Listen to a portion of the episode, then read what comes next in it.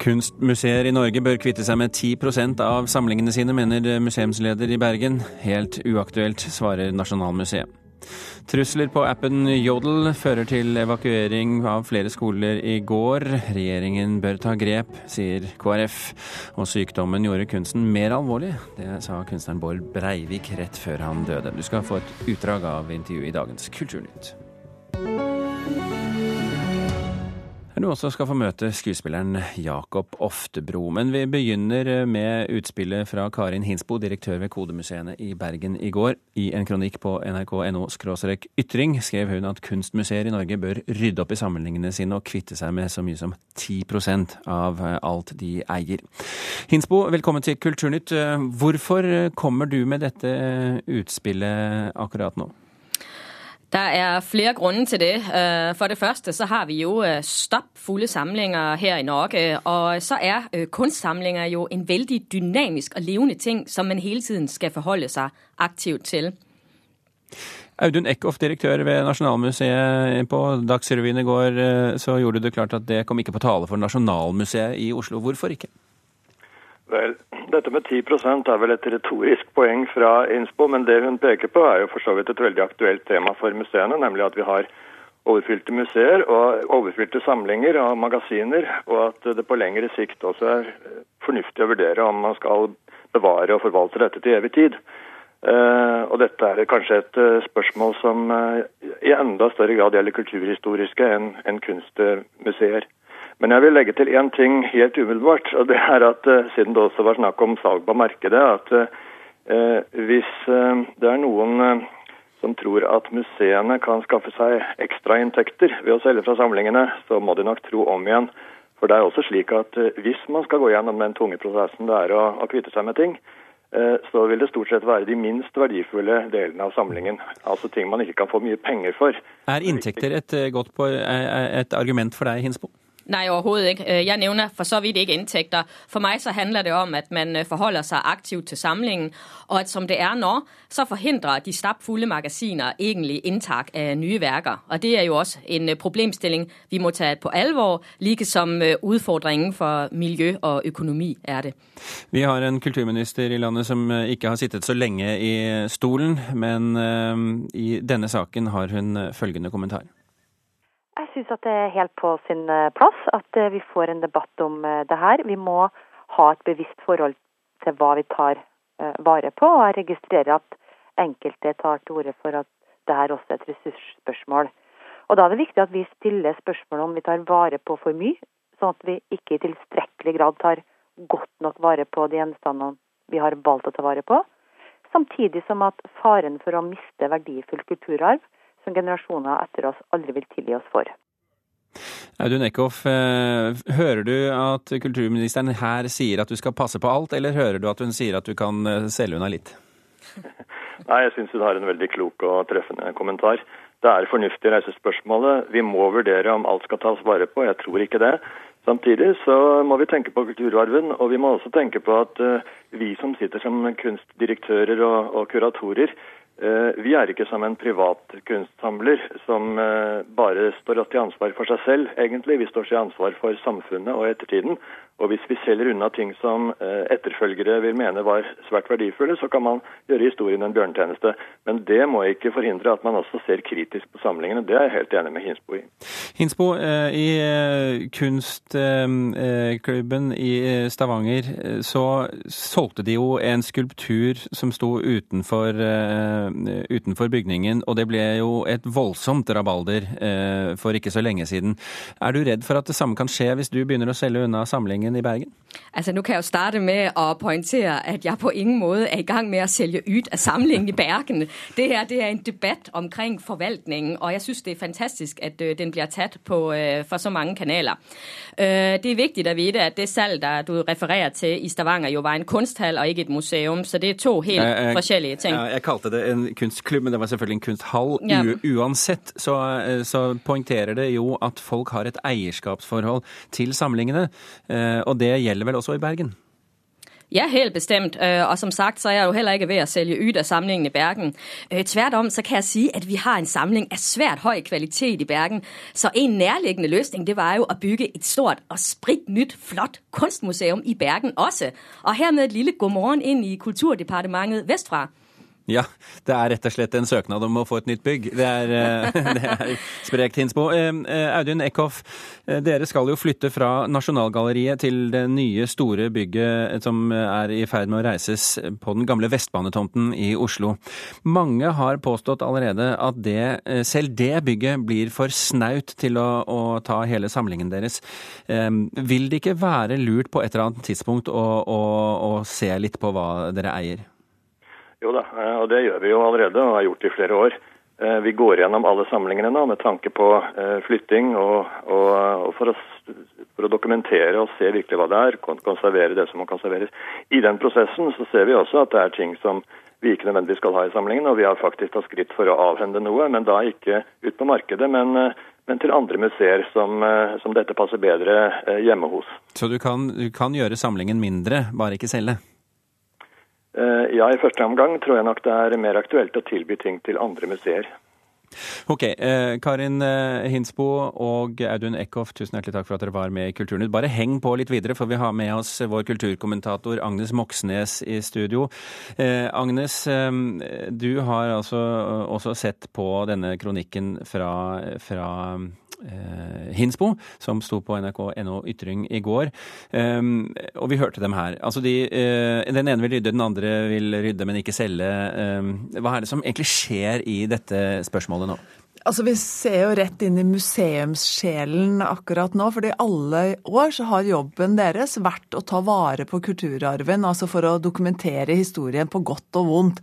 Men så er det sånn, da, som vi hører her, at denne arven den vokser noe voldsomt. De kulturhistoriske museene i Norge, både lokalt og nasjonalt, altså de som samler på kister og båter og miksmaster og kurerradioer og sånt nå, de har bortimot 20 millioner gjenstander. Mens kunstmuseene, som nå er debatten, eh, har har eh, iallfall passert 700 000 gjenstander.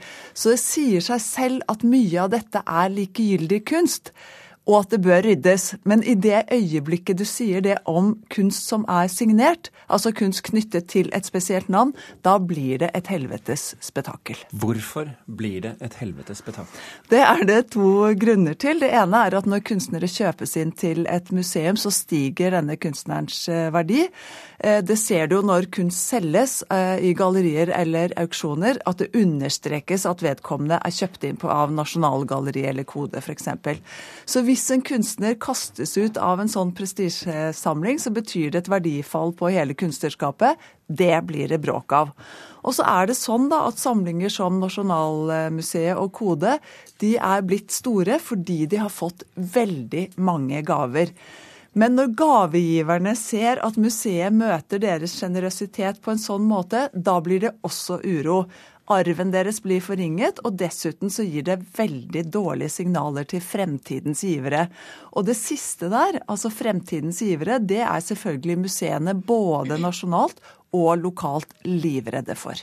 Du har eh, ti sekunder på deg, Agnes. Tror du kunstmuseer rundt i Norge vil være villige til å kutte 10% av samlingene sine? Nei, ikke med det første, men det er interessant at kulturministeren har meldt seg på i denne debatten, for dette handler jo først og fremst om hva slags museer vi ser for oss i fremtiden.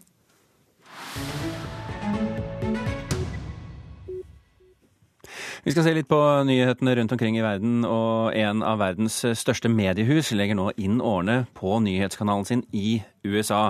Det har du lest deg litt opp om på Morgentimen i dag, reporter Guro Kvalnes.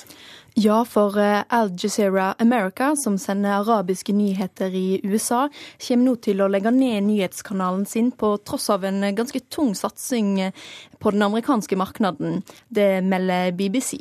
Eh, Al Jazeera America ble lansert i 2013, og da hadde de ambisjoner om å være et mer seriøst og dyptgående alternativ til CNN og Fox News. Det klarte de ikke. Nei, eh, på tross av at den Qatar-baserte kringkasteren de brukte millioner på å hyre noen av de beste amerikanske journalistene, så sleit de med å lokke seerne til skjermen. Men når eh, andre legger ned og slår opp, så kommer gamle venner hjem igjen? Ja, for i går kveld så kom jo den gledelige nyheten for mange om at Friends-gjengen vender tilbake til skjermen. Eh, den ikoniske 90-tallsserien med bl.a. Jennifer Aniston og David Schwimmer det sendte sin siste episode 6. mai 2004 i USA, men i går kveld så kom beskjeden om at eh, gjengen kommer tilbake. Snakker vi om en helt ny sesong her? Nei, rett nok så er det jo bare snakk om en uh, gjenforening i form av en spesialepisode. Men den spesialepisoden den er hele to timer lang, og den skal etter planen sendes eh, 21.2 på NBC. Mye å feire for, eh, for Friends-fansen, med andre ord. Vennesla kommune de feirer også, for øvrig? Absolutt, for i dagens VG så kan lese at eh, Vennesla kommune har plassert seg høyt oppe i toppen i ei kåring av verdens vakreste bibliotek. Det er Huffington Post som står bak eh, kåringa, og biblioteket i Vennesla er bare slått av bibliotekene i Stockholm, Los Angeles og Praha. Slett ikke verst. Guro Kvalnes, eh, takk for at du tok deg tiden i Verdensnyhetene. Regjeringen må gjøre noe så ikke ungdom bruker anonyme sosiale medier til å spre trusler og ødelegge livet til andre. Det mener Geir Bekkevold i Kristelig Folkeparti. I går ble to skoler evakuert etter trusler som kom frem på det sosiale mediet Jodel. Jodel er et eh, lite program du kan laste ned på telefonen som tillater deg å legge ut helt anonyme meldinger til folk som befinner seg i ti kilometers radius. Mange bruker appen til bl.a. trakassering og mobbing, og altså rene trusler så at jeg møtte meg eh, to politifolk som var fullbekledd i politiuniform. Eh, og bare sto og så over oss når vi spiste. Bare sto og fulgte med. Eh, og så kommer læreren vår ut og ber oss om å, å forlate skolen så fort vi kan. Nestleder i elevrådet på Mosjøen videregående skole, avdeling Kippermoen, Iselin Kvalfors, Fortell hvordan evakueringa av skolen gikk føre seg etter trusler på appen Jodel i går. Med Jodel kan en sende anonyme meldinger som alle andre brukere innen ei mil får. Det er ikke bare en spøk lenger. Du skremmer mange. Det er ikke første gang meldinger på appen blir politisak. I høst var to skoler i Vestfold og Telemark evakuerte etter lignende trusler, og politiet har vært kobla inn i saker der appen har vært brukt til trakassering. Du kan ikke ha en situasjon der, eh, der man bruker eh, anonyme nettsteder for å spre trusler, eller bruke sosiale medier for å holde på å si ødelegge livet for andre.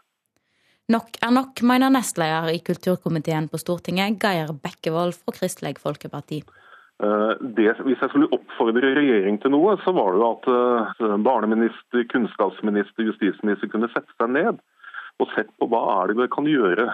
Hvilke arenaer kan man skaper gode tiltak på som gjør at barn og unge kan lære eh, litt mer om hvordan man bruker nettet. Er det noe du vil fremme, ja?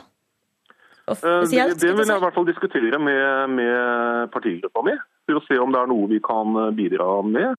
Men leder i den samme komiteen og representant for regjeringspartiet Høyre, Svein Harberg, mener andre skyts må til i første omgang.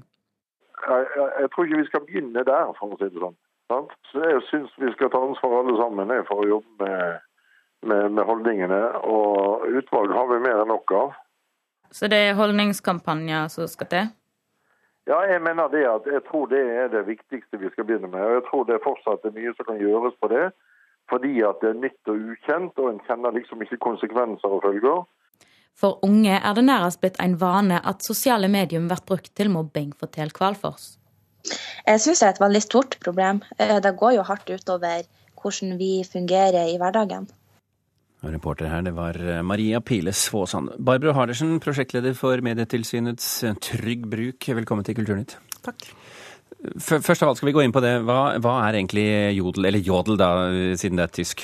Ja, det er jo et, eh, et, av de nye sosiale mediene som kommer og går, kanskje. Nå er det Jodel som har fått mye oppmerksomhet i det siste.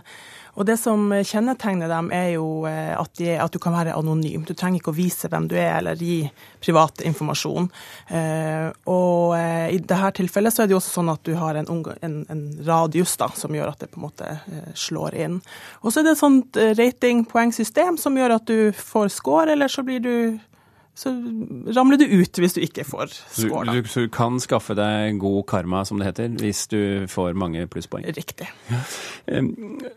På hvilken måte eh, har dette blitt til en, en, en, eh, fått, fått tilnavnet en mobbeapp? Ja, det er vel eh, et av disse kjennetegnene til de appene at det, at det, er veldig mange som tenker at det er lettere å lire av seg stygge meldinger mot eh, andre, fordi at man tenker at man er anonym. Og man er jo anonym, men eh, vi vet jo at man finner jo nesten alltid ut hvem det er som står bak disse meldingene, da. Noen har sagt klokt, intet nytt under solen. Mobbing er ikke noe nytt. Hva er det som er forskjellen på mobbing og trusler via apper som Jodel og sånn som det var før?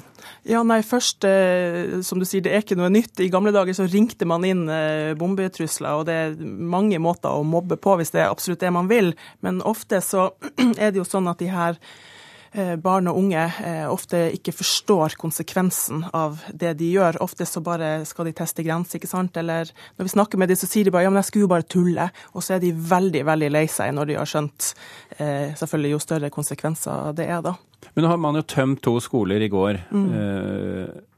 Er det riktig å ta disse truslene på alvor? Ja, det syns jeg absolutt. Fordi at eh, hvis det er alvor i det Det kan jo være mennesker med psykiske lidelser, og man vet jo aldri hva det er. Så det er veldig farlig å bare ta for gitt at det er eh, tomme trusler. Så jeg syns jo det er veldig viktig at man har eh, beredskapsplaner og, og gode rutiner for, for, det, da. Men vi hører jo politikere som, som blir fortvilt og ønsker å gjøre noe. Kan politikerne gjøre noe? Ja, det er klart politikerne kan gjøre noe, men eh, vi som jobber på dette feltet gjør noe, noe med det hver dag. Medietilsynet har jo mandat eh, å samle alle de gode innsatsene som allerede eksisterer. Det finnes mange veiledere og, inne i skolen og i det hele tatt eh, som eksisterer allerede i dag, men her må det være et jevnt trykk.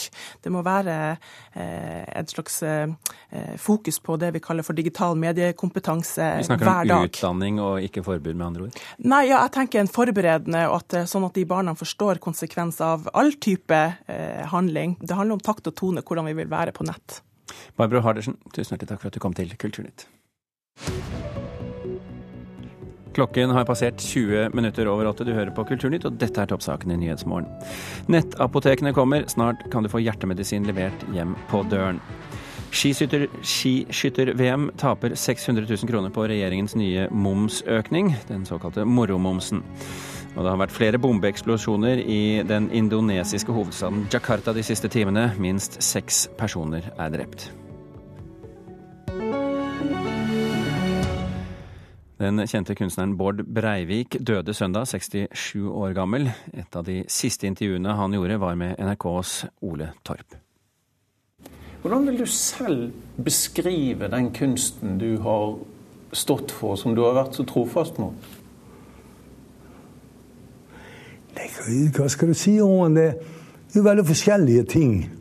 Altså, De gir seg jo veldig forskjellige uttrykk, men du kan jo, kan jo alltid si at det er mine arbeider. Mm. Altså, samme faen så er det alltid en sånn fellesnevner. Selv om det er stein eller aluminium eller trepinner eller bladgull eller Nei, at det på en måte jeg er Du har prøvd å komme med kommentarer på eh, et verdensbilde, eller det verdensbildet du, du syns vi har snakket om hele tiden, på en måte. Nå er du veldig syk. Ja. Skulle gjerne hatt en god medisin, men nå men, men gjør sykdommen at du ser på din egen kunst på en annen måte?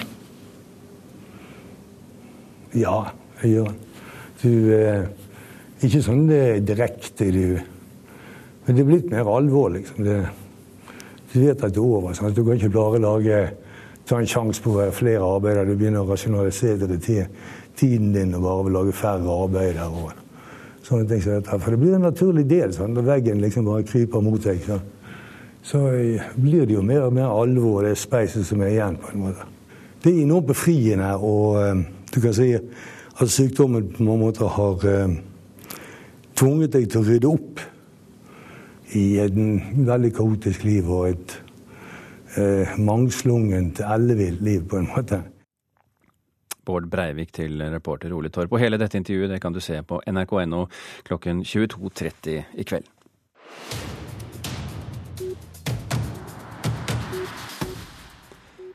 Tre filmer på fire uker, der har Jakob Oftebro øverst på rollelisten. Alle sammen er historiske drama og store produksjoner, og først ute er danske Gullkysten, som handler om skandinavisk slavehandel. Debattene rundt slike filmer utvider rollen til skuespilleren, mener Oftebro. Danmark. Afrikas nære er som svampe. De skyder opp av jorden. De taler som en slavehandler. Onsdag kveld var det førpremiere på Gullkysten i Oslo. Og Jakob Oftebro var i den sammenheng kanskje ikke veldig overraskende innom NRK. De var på en måte ikke mennesker på den måten. De måten noen ganger de blir beskrevet, er jo, er jo også veldig eh, Men da Oftebro var invitert til Dagsnytt 18, var det ikke bare filmprat. Så Nå snakker du om slaver. Ja, ja, ja. ja. ja, ja. Forhold til slaver. Men også de lokale sånn, fascinasjonene av dem. Hvordan Da han var i diskusjon med historieprofessor Jarle Simensen. Jeg syns jo det er en ære, da. Og utrolig gøy å få nettopp, nettopp på en film som 'Gullkysten' eh, å, å gjøre det fordi jeg har lest så mye om emnet. Jeg kan så mye om det. Så for meg er det veldig gøy. Det å få ansvar og være med og debattere, det er jo kjempespennende. Så jeg syns det er veldig moro. Det at du på en måte blir en del av samfunnsdebatten, syns du det er en naturlig rolle for en skuespiller? Jeg er jo ikke nødvendigvis det, men, men, eh, men jeg syns jo det er veldig interessant. Jeg er jo selv eh, veldig interessert nettopp i politikk. Jeg, jeg synes, eh, og, og vil gjerne være en del av samfunnsdebatten. Så sånn sett syns jeg det er bare en ære og kjempegøy. Oftebro sier det er tilfeldig at han har tre historiske drama på kinoplakatene akkurat nå. Gullkysten, Tordenskjold og Kold kommer om tre uker, og Birkebeinerne om fire. Men eh, det har vært eh, ganske vilt eh, arbeidsår, ja. så det blir jo veldig gøy, da. Hva er det med Jakob Oftebro historisk Hva er det? Jeg ser ut som jeg er 200 år gammel, liksom? Nei, jeg vet ikke. jeg tror det er Det er bare tilfeldig, og så er det jo kjempegøy å få lov til å være med og fortelle disse historiene. Jeg er jo veldig privilegert nettopp også fordi rollene er så forskjellige. Det det som. Oftebro hopper mellom både århundrer og mellom Norge og Danmark i jobben. Noe som har gitt han innsyn i filmbransjen i begge landene. Vi har samme, samme ambisjon om at det vi holder på med akkurat nå, skal bli det beste. Og Der kan man også se forskjellen på Danmark og Norge. Det er kanskje den største forskjellen. At vi har ikke noe dogme å lene oss opp uh, av, eller noe Susanne Bier som har vunnet Oscar. Så vi har liksom ikke noe som man prøver å etterligne. Og Der ser man også at det spriker veldig mye mer i sjanger. Alt fra Tommy Wirkola til Kon-Tiki-guttene. Liksom. Det er liksom veldig sånn Folk har brenner bare for å lage film. eh, og har liksom ikke nødvendigvis en Bergman eller en, en Lars von Trier å leve, leve opp til. og Det tror jeg er veldig interessant. Det synes jeg i hvert fall er veldig Men tror du det er bra eller dårlig? Jeg tror det er veldig bra.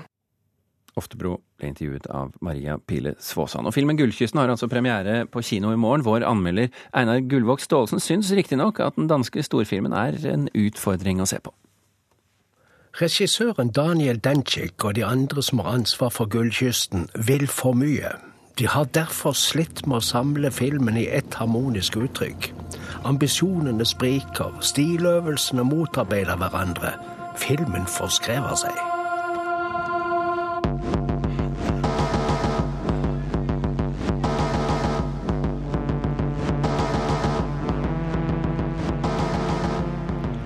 Musikken slår så bildet mister pusten. Motivet her er afrikanske slaver og danske kolonialister i dansk Guinea i 1830-årene. Danske nære og svenske nære, blodet der sprøjter i kaskader. Hvad jeg ikke har set i dette gudsforladte land. Musikken er et ujevnt sett filmklisjeer fra vår tid. Det er rart at den har overlevd alle redigeringer og revideringer og diskusjoner ved klippebordet. Tiden er en anden hernede, Flitsbuen. Den snegler seg liksom rundt om seg selv. I en form, vi ikke kjenner hjemmefra. Mørkere og mer kryptisk. Lydmiksen er et annet problem. Alle andre lyder enn tale har prioritet. Det er vel også en valgt stil. Den gjør det vanskelig å oppfatte dialog uten å følge tekstingen. Dramaturgien er det neste. Den skifter mellom noe som kan minne om filmatisert lysbildeberetning og dramatiske tablåer av enkeltsituasjoner. Det er mest fortelling i første del, og flest tablåer mot slutten. Flere tablåer er gode isolert sett. Hovedpersonen, botanikeren Wolf, blir stadig magrere og sykere. Jakob Oftebro spiller den rollen og gjør det helt ålreit. Vårt problem er at vi synes han ser sykelig tynn ut allerede før han går i land i Guinea. Dermed fortoner ikke helseproblemet seg så progressivt som filmen vil ha det til å være. Det er en folkerik film. Det er mange slaver med. Det er bare et titalls dansker på de stadige selskapelige anledningene i guvernørens borg, men det er mange halvt og helt avkledde innfødte som varter dem opp. Nakenheten er kanskje naturlig, men i filmen virker den arrangert. Historien er vesentlig. Botanikeren Wolf kommer til den danske kolonien for å etablere kaffeplantasje. Han har med seg planter fra kongens gartneri. Vi ser at han pusler med vekstene. Men han og filmen legger sterkest vekt på at slaveriet lever flere tiår etter at det ble avskaffet på papiret. Wolf er den ene som reagerer og gjør noe med det. De danske koloniherrene og embetsmennene er ulekre, som det heter på dansk. De er kanskje for monotont usympatiske til å være troverdige. Misjonærenes møter ved flodens bredd, med ustemt piano stående rett på sanden, er heller ikke overbevisende.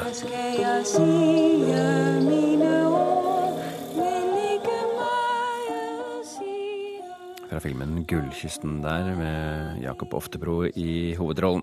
Kulturnytt er snart slutt, men la meg fortelle at ved halv tre-tiden i ettermiddag annonseres alle Oscar-nominasjonene. Du kan få med deg alt om disse nominasjonene på Alltid nyheter, og selvfølgelig på nrk.no.